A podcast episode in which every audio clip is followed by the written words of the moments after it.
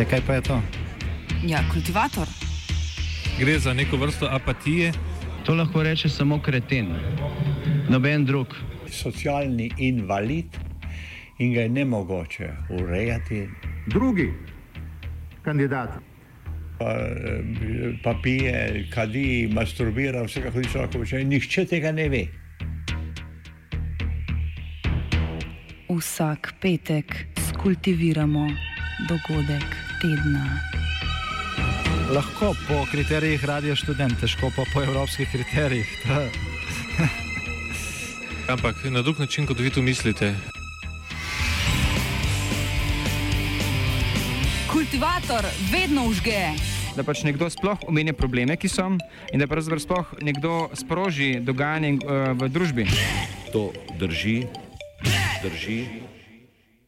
Mi smo more krvi prolili za bratstvo i jedinstvo naših naroda. E nećemo nikome dozvoliti da nam dira ili da nam ruje iznutra, da se ruši to bratstvo i jedinstvo. Stvari su kakve jesu, ali ne želim vas u ljesu Zbog ljudi na terenu što su isplaćeni u kešu A puca im kurac. Zadnji požirek Haškega tribunala. Potplaćeni sudac te se vrti oko toga.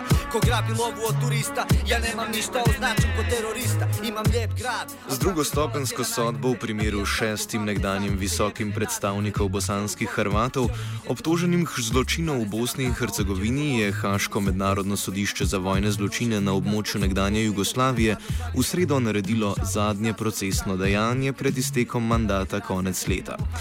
Po novem letu ga delo čaka le še v primeru pritožb na prvostopenske sodbe, sicer pa je sodišče, ustanovljeno leta 1993, svoje poslanstvo zaključilo.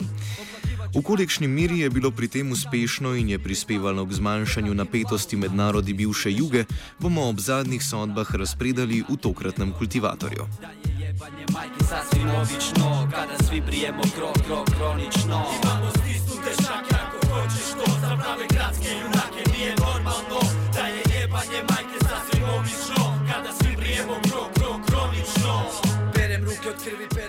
Zaključek 24-letnega delovanja Mednarodnega sodišča za bivšo Jugoslavijo je pripadel šestim visokim predstavnikom med vojno samooklicane Herceg Bosne, ki so bili že na prvi stopni spoznani za krive zločinov nad bošnjaškim prebivalstvom. Pravzaprav je pripadel enemu od njih, nekdanjemu poveljniku bosanskih Hrvatov, generalu Slobodanu Praljaku, ki je s popitim strupom poskrbel za teatraličen samomor. Slednje je v hrvaški javnosti in politiki, kot pojasnjuje novinar Drago Hedel, povsem zameglilo dejstvo, da je sodišče potrdilo prvostopensko sodbo in šesterico obsodilo na skupaj 111 let zapora. Cijelu presudu dakle, bacila je u sjenu onaj vrlo dramatični potez kada je jedan od e, sada već osuđenika e, haških Slobodan Praljak popio otrov u sudnici. Dakle, ta vijest, ta, taj čin dobio je puno više E, publiciteta u hrvatskim medijima nego sama presuda.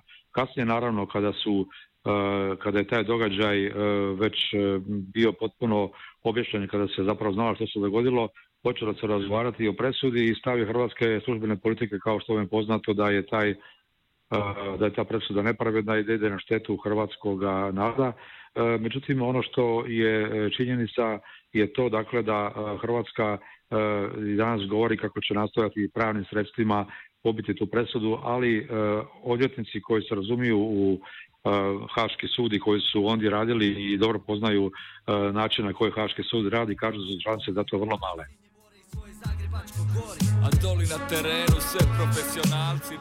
Prizivni senat Haškega sodišča je ob tem potrdil tudi odgovornost tedanjega hrvaškega vodstva za agresijo in zločine v Bosni in Hercegovini.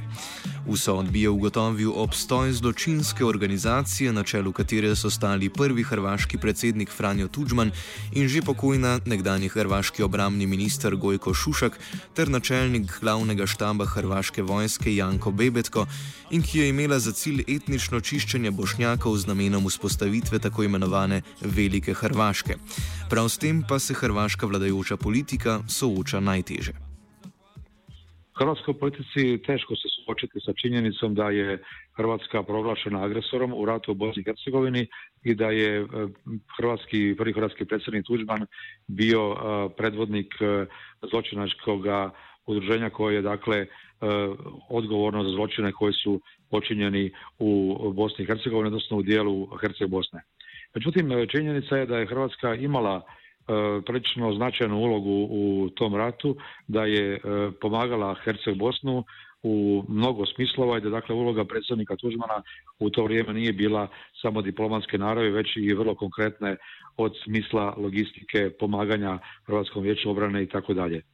E, mislim da bi bilo dobro da se u Hrvatskoj na neki način e, stvori jedna klima o kojoj je moguće o tome trezveno razgovarati i reći dakle da ta presuda e, ide na dušu tadašnjeg hrvatskog vodstva, dakle onoga koje je bilo po ocjeni suda odgovorno za zbivanja u Herce Bosni i da se povuče jasna razlika između toga što se događalo tada i onoga što danas hrvatska politika znači.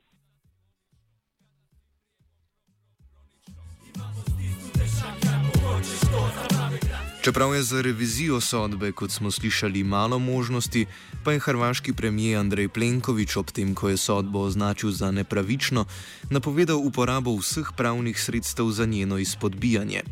Ker pa se zaveda, da bi Evropska unija kaj takšnega pospremila z zadržki, je vlada v odzivih kljub temu obirala diplomatsko retoriko. Diplomatskosti pa ni bilo opaziti pri hrvaški predsednici Kolindi Graber-Kitarovič, ki je v dokaj schizofrenih izjavah na eni strani koketirala z nacionalističnim delom domače javnosti, po drugi pa se skušala ne zameriti Zahodu. Ako ste vidjeli i ako ste pratili, eh, Hrvatska je nastojala vrlo eh, pažljivo izbalansirati kad kažem Hrvatska mislim na službenu politiku, izbalansirati stavove oko toga jer e, ne želi da ima problema sa međunarodnom zajednicom koja sigurno neće biti sretna ukoliko Hrvatska službeno odbaci tu presudu.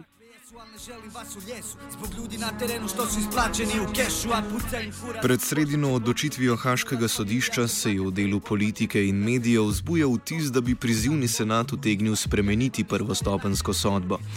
To se ni dogodilo in Hrvaška jo mora po mnenju Hedla čim prej sprejeti. Toliko bolj, ker je bila sama med pobudnicama za ustanovitev posebnega sodišča za zločine, storjene med jugoslovanskimi vojnami. Stvarao se je stalno nekakav dojam u javnosti, podgrijavale su se teze o tome da bi sud mogao postupiti drugačije, što se nažalost e, hrvatske politike u ovom slučaju nije dogodilo. Dakle, sud je ponovio prvostupansku presudu sa nekim malim i za konačni ishod nebitnim izmjenama i to je dakle ono s time se sada Hrvatska mora suočiti i mora shvatiti dakle da je to ipak odluka Međunarodnog suda za čije se je E, formiranje i njen rad zalagala je Hrvatska. Hrvatska je bila jedna od e, pokretačica inicijative za osnivanje Međunarodnog e, suda za ratne zločine u Hagu. Ona je prihvatila njegov statut, njegova pravila i sigurno da će, se, da će biti teško sada sporiti, odnosno to se može govoriti, ali pitanje koliko je to temeljeno da se ta, da se ta, da se ta sudska presuda ne priznaje. Sodbe pa hrvaška politika ni sprejela povsem enotno. Poslanci opozicijskih socialdemokratov, z izjemo enega, in predstavniki stranke Glas so obstruirali posebno sejo hrvaškega sabora, na kateri je ta s posebno izjavo izrazil nestrinjanje z razsodbo. Kot pojasnjuje Hedel, so te delitve v hrvaški politiki podobne kot v času vojne. One dalje izaziva jednake prijepore u hrvatskom političkom životu kao što je to bilo vrijeme kada je, e, su se ti događaje događali 90. 90. godina prošloga stoljeća, jer kao što je poznato e, e, Tuđmanova politika u Bosni i Hercegovini nije imala jednodušni pristanak svih političkih aktera u Hrvatskoj.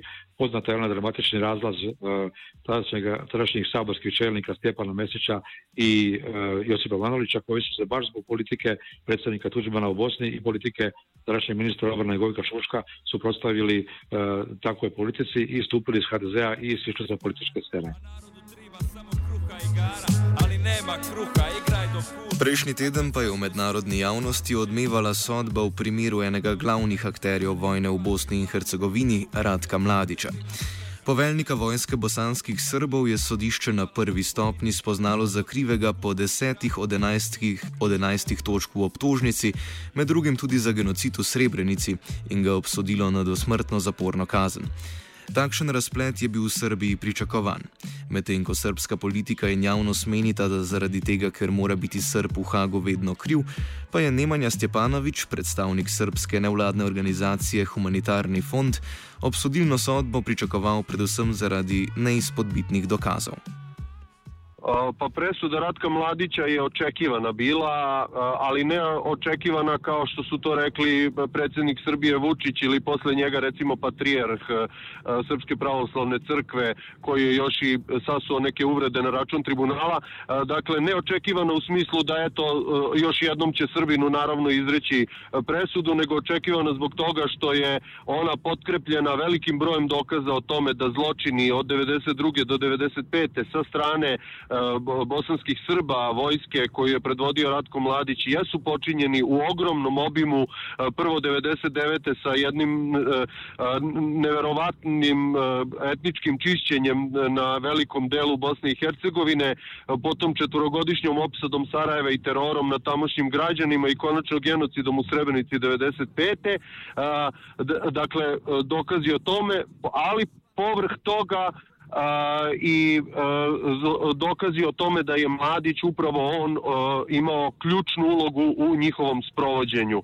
A, dakle, zbog toga je ta presuda očekivana. Mladić nije osuđen zbog toga iz, puke, a, iz pukog razloga što je bio komandant vojske, nego zbog toga što je a, a, bio a, uključen, što je, postoje dokazi, presretnuti razgovori, dokumenti da je on naredio zločine i tamo gde su oni počinjeni da je u punom kapacitetu kontrolisao komandante jedinica koji su, koji su sprovodili ubistva, deportacije, prisilna premeštanja, zlostavljanja, zatvaranja civila i tako dalje. Srpski politični vrh se je s prozornimi pozivi k stremljenju v prihodnost izognil konkretnejšemu komentiranju sodbe.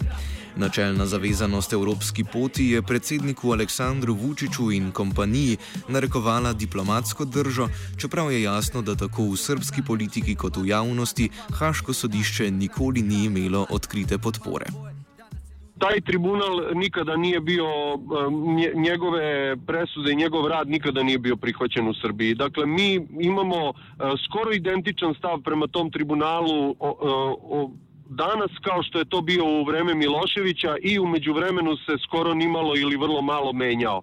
Dakle, ja mislim da tu postoji, da je tu sledeći razlog. Srbija naprosto ne želi da prihvati kakvu je ulogu njeno rukovodstvo imalo u ratovima u Hrvatskoj, Bosni i Hercegovini i na Kosovu i to je ključ neprihvatanja zaključaka Haškog tribunala i nesagledavanja dokaza koji su pred Haškim tribunalom izvedeni.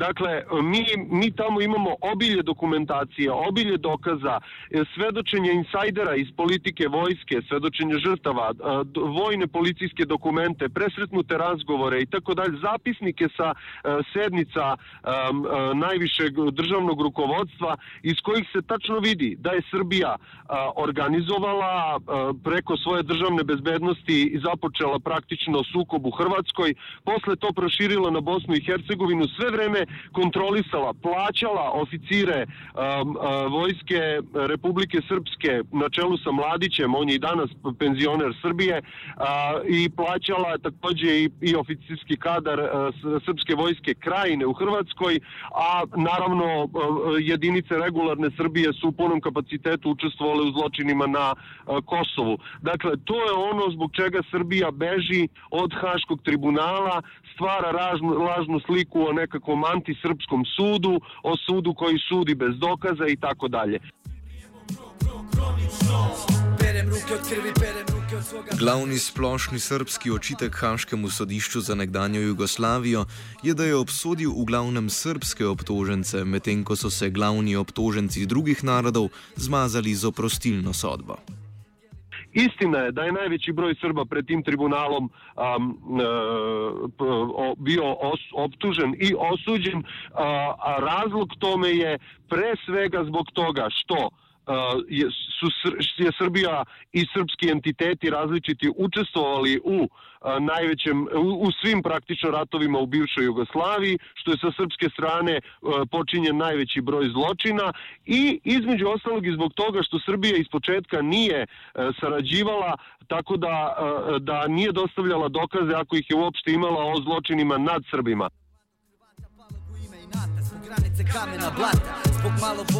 Sodišče pa v svojem delovanju ni prineslo popolnega zadoščenja srpskim žrtvam.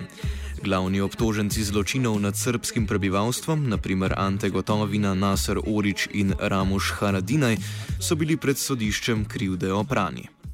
E, srpske žrtve nisu doživele punu satisfakciju e, e, presudama Haškog tribunala.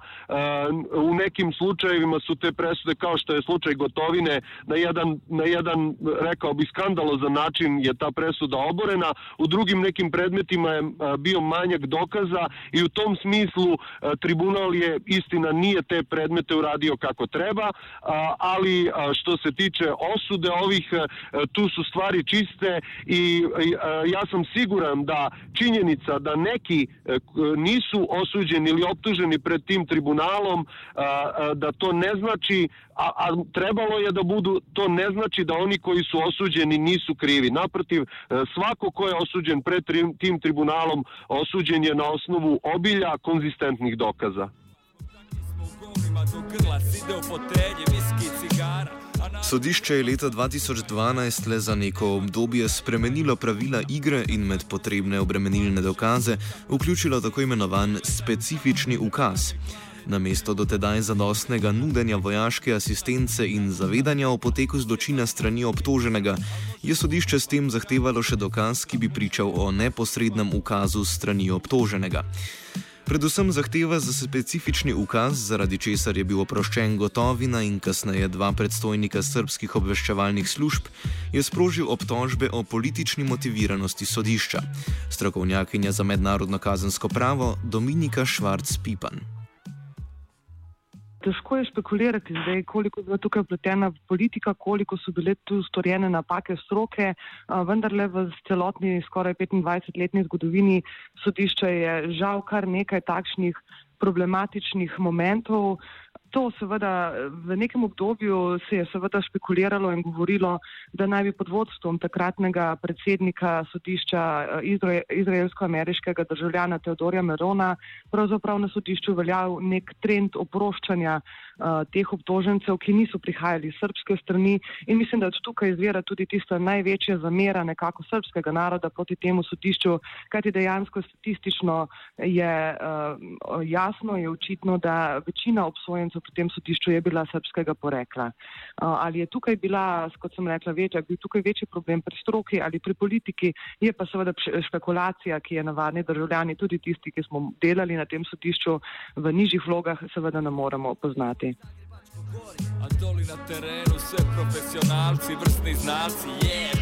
Ob sredinem izreku sodbe šestim nekdanjim visokim predstavnikom bosanskih Hrvatov je Haško sodišče pozvalo Hrvaško, da nadaljuje s pregonom zločinov obtoženih posameznikov, ki so ostali na svobodi. Glede na slabe izkušnje iz preteklosti je po mnenju Hedla težko verjeti, da bodo hrvaške oblasti poziv k malu upoštevale.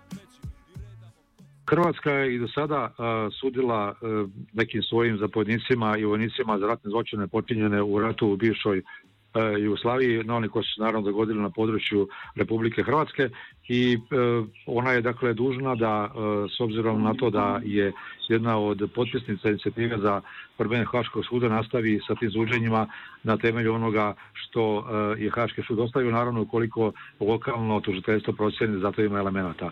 Međutim, činjenica je dakle da ta suđenja u Hrvatskoj nisu uvijek bila u skladu sa nekim standardima za koje se Hrvatska zalagala i da su neki zločini bili kažnjeni znatno blaže nego što se to recimo učinilo kada je bilo u pitanju suđenje e, pripadnicima srpskih paravojnih posrebi u Hrvatskoj ili onima koji su bili pripadnici JNA. Dakle, e, pitanje je šta će svega toga biti, ali sigurno da će da, dakle, u dogledno vrijeme dok se ta situacija malo ne bude stišala i smirila, e, takvih suđenja vjerojatno neće biti.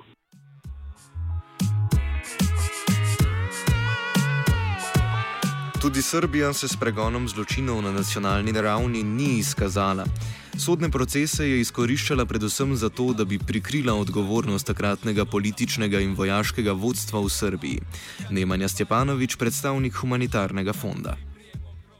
kad je osnivan tribunal, Srbija je stalno govorila i to, ti, se, ti se glasovi danas mogu čuti, pa zašto oni moraju da nam sude, zašto mi to nismo radili sami. Tribunala ne bi ni bilo da su nacionalna pravosuđa počela da rade posao i da procesuiraju za ratne zločine, međutim to se posle ratova apsolutno nije događalo.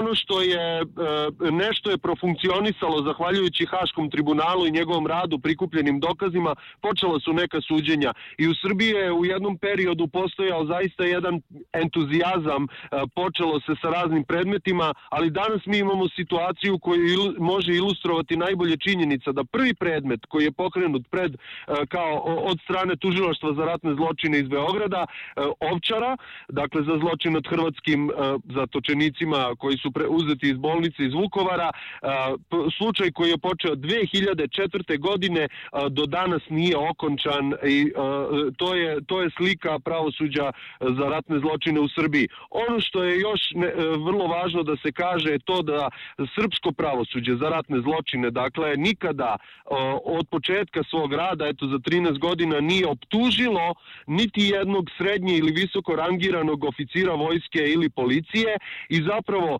sva ta suđenja odnose se na direktne počinioce, stvara se jedna slika spremnosti da se sudi, međutim mi iz tih suđenja ne možemo da izvučemo nikakav zaključak osim da su to neki grupe ludaka počinile neke zločine i da bez ikakve veze sa državom.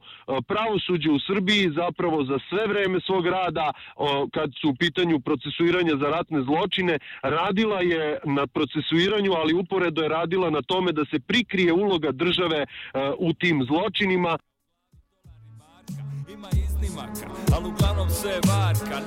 Kakšna so merila glede procesiranja osumljencev vojnih zločinov na mednarodnem sodišču ter nacionalnih sodiščih, pojasni Švarc Pipan. Osnovno merilo ne, tega, kdo je bil obtožen in komu se je sodilo na mednarodnem kazenskem sodišču v Hagu, je bilo to, da je to sodišče pravzaprav imelo pristojnost za sojenje nad najvišjimi političnimi in vojaškimi voditelji tistih držav, ki so bile upletene v ta konflikt. Ne. Se pravi, a, nižji voditelji, a, politični, pa tudi seveda vojaški predstavniki nižjih rangov pa so bili praviloma prepuščeni nacionalnim sodiščem. Tudi kar nekaj primerov, kjer pravzaprav je bila obtožnica vložena na mednarodni kazenski tribunal v Hagu, je bilo kasneje, ko se je že pridržal nekako konec mandata sodišča, predstavljenih na ta nacionalna sodišča, predvsem v Bosni in Hercegovini in pa na Hrvaškem, nekaj pa tudi v Srbiji. Stjepanovič ob tem opozarja, da je Evropska unija v zadnjem obdobju oslabila pritisk na države bivše juge, da pospešijo pregon zločincev. Pritisak međunarodne zajednice u tom pogledu polako jenjava. Hrvatska je puštena da uđe u Evropsku uniju bez ozbiljnijeg ulaženja u proces suđenja za ratne zločine i a, ja se pribojavam da će sličan slučaj biti sa a, Srbijom, što je užasan a, potencijal za budućnost ako mi ne raščistimo to šta se u prošlosti dešavalo i sudski i na kraju krajeva politički, istorijski i društveno.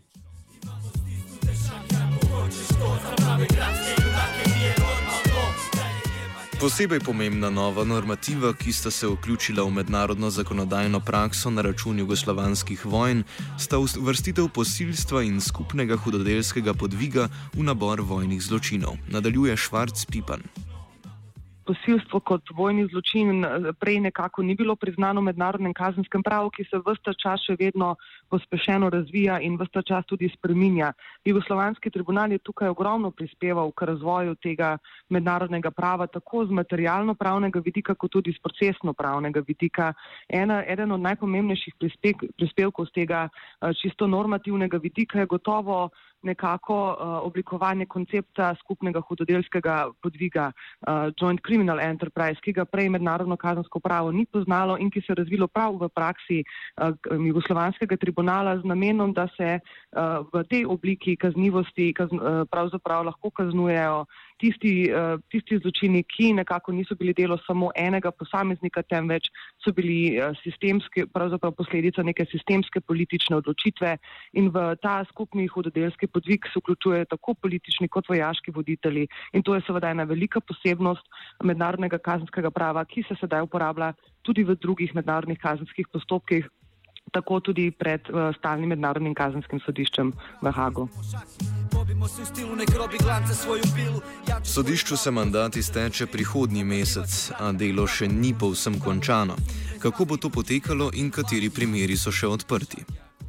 Najbolj bi rekla, odmeven primer je primer proti generalu Mladiču, ki se je prejšnji teden končal na prvi stopni. Uh, in tukaj je še možnost pritožbe in pritožbenega postopka, uh, ki pa ne bo potekalo seveda na tem sodišču, ki sedaj konec leta zapira vrata, temveč na rezidualnem mehanizmu za mednarodne kazanske tribunale, ki prav tako uh, pravzaprav domuje v isti stavbi, kjer je, prej, do, kjer je do sedaj domovalo to kazansko sodišče za Jugoslavijo, vendar ima to pristojnost da dokonča tiste postopke, ki še niso končani, tako, na, tako z Jugoslovanskega tribunala, kot tudi iz Kazanskega tribunala za Ruando. Tako da na tem, eh, na tem mehanizmu, ki pravzaprav je prav tako neko kazan, mednarodno kazansko sodišče, potekajo pritožbeni postopki, kot je postopek proti Mladiču. Eh, na tem sodišču pa naprimer poteka tudi še ponovno sojenje proti Stanišiču in Cimatjoviču, eh, kjer je bila pa prvostopenska sodba v pritožbenem postopku lani decembra razveljavljena in vrnjena ponovno sojenje. Se pravi, te preostale postopke bo sedaj izpeljal ta novi mehanizem, ki pa je pravzaprav de facto uh, v vseh smislih to nekako ponovno nadaljevanje uh, tega kazanskega sodišča in deluje na popolnoma enak način, pod popolnoma enakimi postopkovnimi pravili, kot je delovalo uh, to do sedaj obstoječe uh, sodišče za nekdanjo Jugoslavijo.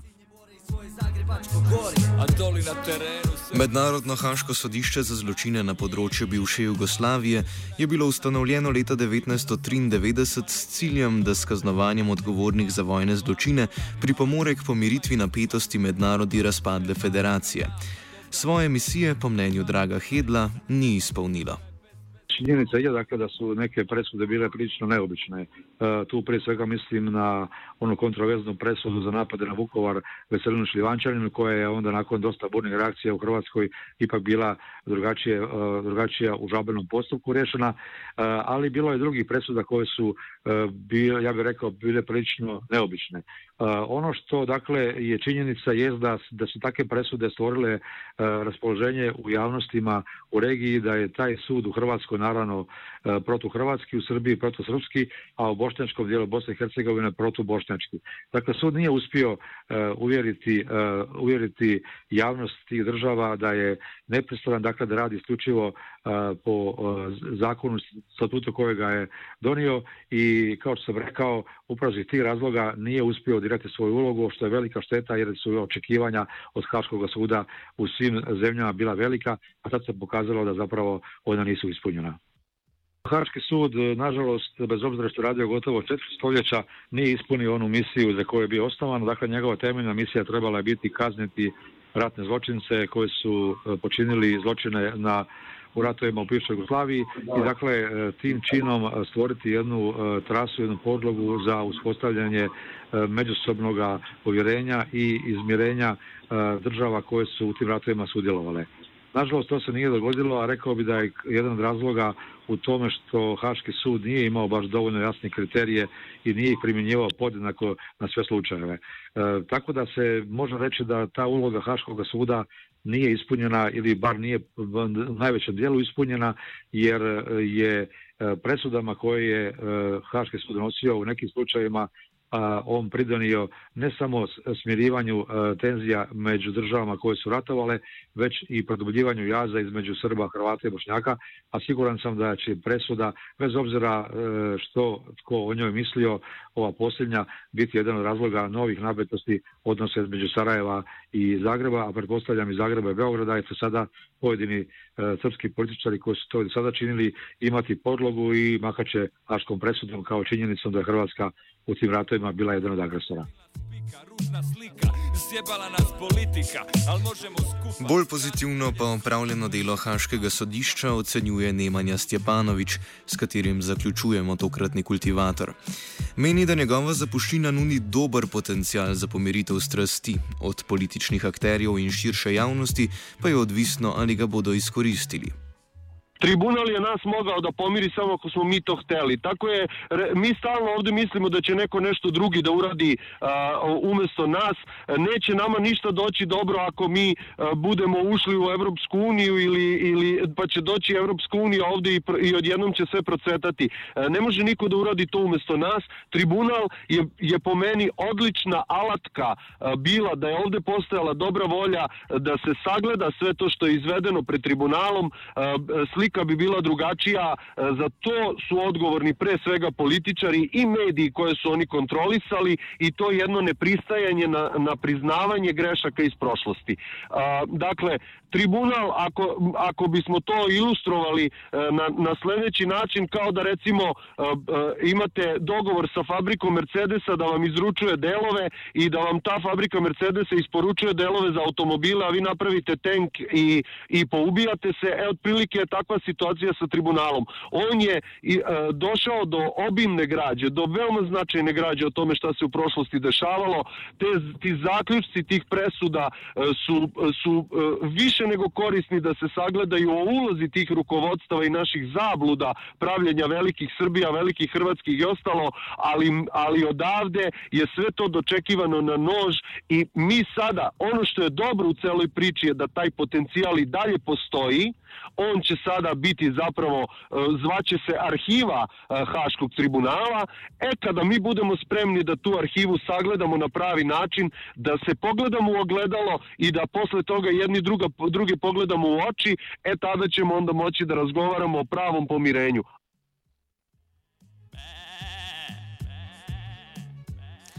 Kultivirala sta Marcen in Jankovič.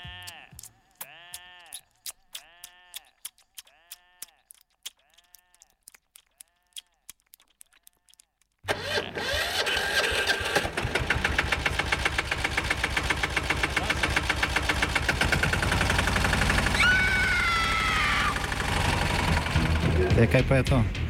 Ja, kultivator. Gre za neko vrsto apatije. To lahko reče samo kreten, noben drug. Socialni invalid in ga je ne mogoče urejati. Drugi kandidat. Pa, pa pije, kadi, masturbira, vse kako ti človek počne. Nihče tega ne ve. Vsak petek skultiviramo dogodek tedna. Lahko po kriterijih radio študent, težko pa po evropskih kriterijih. Ampak na drug način, kot vi to mislite. Kultivator vedno užge. Da pač nekdo sploh omenja probleme, ki so, in da pravzaprav sploh nekdo sproži dogajanje uh, v družbi. To drži, drži.